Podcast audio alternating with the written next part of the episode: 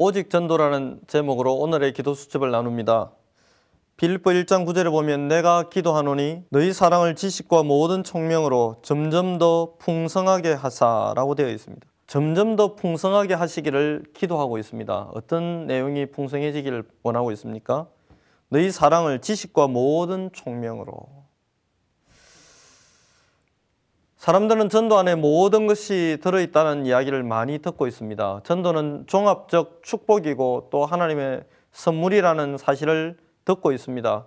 그러나 듣고 알고 있지만 이것을 실제적이고 구체적으로 체험하는 사람들은 많이 없는 것 같습니다.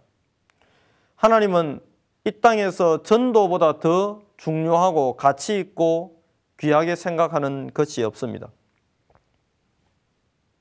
전도 속에 하나님이 주실 응답과 축복이 다 포함되어 있습니다. 전도를 생활의 중심에 두고 살아가는 사람을 우리는 전도자라고 합니다.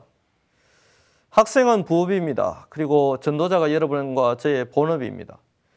천국에 가서도 우리는 학생으로 살지는 않습니다. 그러나 이 땅에서 우리가 전도자로 살고 천국에서는 하나님의 자녀로 살게 되어 있습니다. 공부를 할 필요가 없다는 이야기는 아닙니다. 공부를 잘 해야 합니다. 규모를 갖추어야 합니다. 엘리트층을 파고들어 가야 할 중요한 사명이 랩넌트인 여러분에게 분명히 있기 때문에 그렇습니다. 그러나 더 중요한 것이 있습니다. 목적은 전도 때문이어야 합니다. 다른 사람을 만날 때 그 사람의 진짜 필요를 볼 수 있는 눈이 열리는 것을 보고 전도자라고 하지요. 베드로가 안전뱅이를 보면서 이 사람의 진짜 필요가 뭔지를 알았습니다. 그리고 그에게 그리스도의 비밀을 전달했습니다. 베드로는 단지 자기 속에 있는 예수 생명을 전달했을 뿐이고 자기 속에 있는 그리스도 이름을 전달했을 뿐인데 안전뱅이는 그 자리에서 힘을 얻고 하나님을 찬양하는 사람으로 변화되었습니다. 모든 환경을 뛰어넘을 수 있는 이런 제자로 서고 또 제자를 찾는 응답을 회복하시기를 바랍니다. 오직 전도의 삶을 사는 전도자가 되기 위해서는 첫 번째 누릴 것이 있습니다. 무엇부터 누려야 합니까? 임마누엘의 비밀부터 누려야 합니다. 요셉이 함께 하시는 하나님의 비밀을 누리고 있을 때 보디발은 함께 하시는 하나님을 보았습니다. 요셉이 감옥에서 함께 하시는 하나님의 비밀을 누리고 있을 때 간수는 그와 함께 하시는 하나님을 발견하고 그에게 감옥의 전권을 부여하였습니다. 이와 같이 저와 여러분이 함께 하시는 하나님의 비밀을 누리는 것은 무엇보다 중요합니다. 함께 하시는 하나님의 방향과 그 하나님의 손과 하나님의 계획을 또한 찾아야만 하겠지요. 종은 주인의 방향을 따라가야 합니다. 종이 주인의 방향을 지시할 수는 없습니다. 이것을 두고 성령의 인도라고 합니다. 저와 여러분의 오늘의 스케줄 속에 하나님의 계획이 있을 것이고 성령의 인도가 있을 것입니다. 저와 여러분의 삶 속에 만남 속에 하나님의 심오한 계획이 있습니다. 크고 은밀한 일을 보이리라고 말씀하셨습니다. 우리에게는 그리스도께서 주시는 은혜와 평강이 필요합니다. 바울은 전도를 늘 생각하면서 하나님 앞에 기도했습니다. 하나님이 함께 하시는 축복, 함께 하시는 이유, 함께 하시는 방향을 회복하는 복된 날 되기를 바랍니다. 두 번째, 버려야 할 것이 있습니다. 버릴 것이 있는데 무엇을 버려야 합니까? 오직 전도를 생각하면 지극히 선한 것을 분별하는 지혜를 하나님이 주실 것입니다.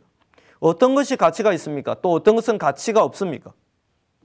전도에 생기는 모든 동기와 불신앙과 인본주의는 반드시 저와 여러분이 버려야만 합니다. 이것을 버리게 될 때 역사가 시작됩니다. 이것이 무가치해 보일 때 하나님의 역사가 준비되어 있는 것에 우리의 눈이 가게 되고 또 눈이 그것을 보는 충년 축복을 회복하게 되는 것이죠. 이렇게 되면서 다른 사람이 저와 여러분에게 협력을 요구할 때 우리는 어떻게 하면 됩니까? 도와주면 됩니다. 다른 사람이 많은 걸 요청하면 어떻게 하면 됩니까? 양보하면 됩니다. 그러면서 우리는 어떻게 하면 되죠? 상식선에서 합리적으로 객관적으로 최선을 다하면 됩니다. 중요한 것은 무엇입니까? 오른밤을 때리거든 왼밤도 대주면서까지 전도해야만 하나, 될 하나님의 계획이 있다면 겉옷을 달라는데 속옷까지 주면서 하나님의 전도 계획이 성취된다면 저와 여러분 양보하고 타협하고 협력하면서 하나님의 계획을 누리는 전도석으로 들어가야 할 것입니다. 전도를 위해서 모든 것을 양보하고 숨기고 도와주면 되지요. 바울은 이것을 배설물이라고 이야기했습니다. 자기는 예전에 그것이 최고인 줄 알고 꽉 쥐고 있었는데 전도의 축복, 전도의 비밀, 임마누엘의 비밀 누리다 보니까 전부 배설물이라고 갖다 버렸습니다. 유 목사님이 그런 말씀을 하셨어요. 어, 과거에 내가 참 귀하게 여기고 있던 거 그거 보고 말고 다 버린 거, 전도 알고 다 버린 거. 지금 많은 목사들이, 많은 사람들이 그거 주워 쓰려고 뛰어다닌다고. 오늘 과감하게 버려야 할 것을 버릴 수 있는 진짜 가치 있는 전도와 복음에 대한 눈이 열리게 되기를 바랍니다. 세 번째입니다. 쟁취할 것이 있습니다. 누려야 될 것이 임마누엘의 비밀이고 버려야 할 것이 동기고 불신앙이라면 이제는 뭐 해야 됩니까? 쟁취해야 될 것이 있습니다.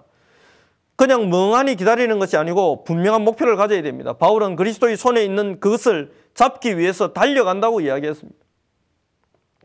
많은 사람들이 누려야 될 것은 누리지 못하고 버려야 될 것은 악착같이 잡고 있기 때문에 참된 성공과 응답과 정복과 승리의 자리에 갈 수가 없는 것이죠.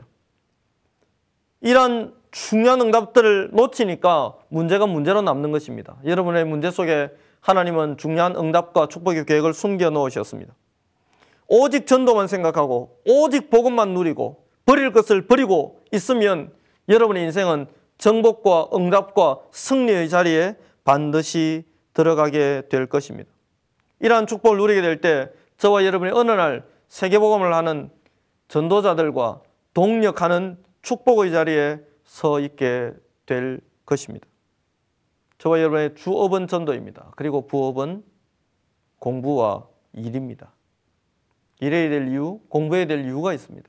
그 속에 하나님은 큰 전도 계획을 세워 놓으셨기 때문입니다. 오늘의 포럼을 나누겠습니다.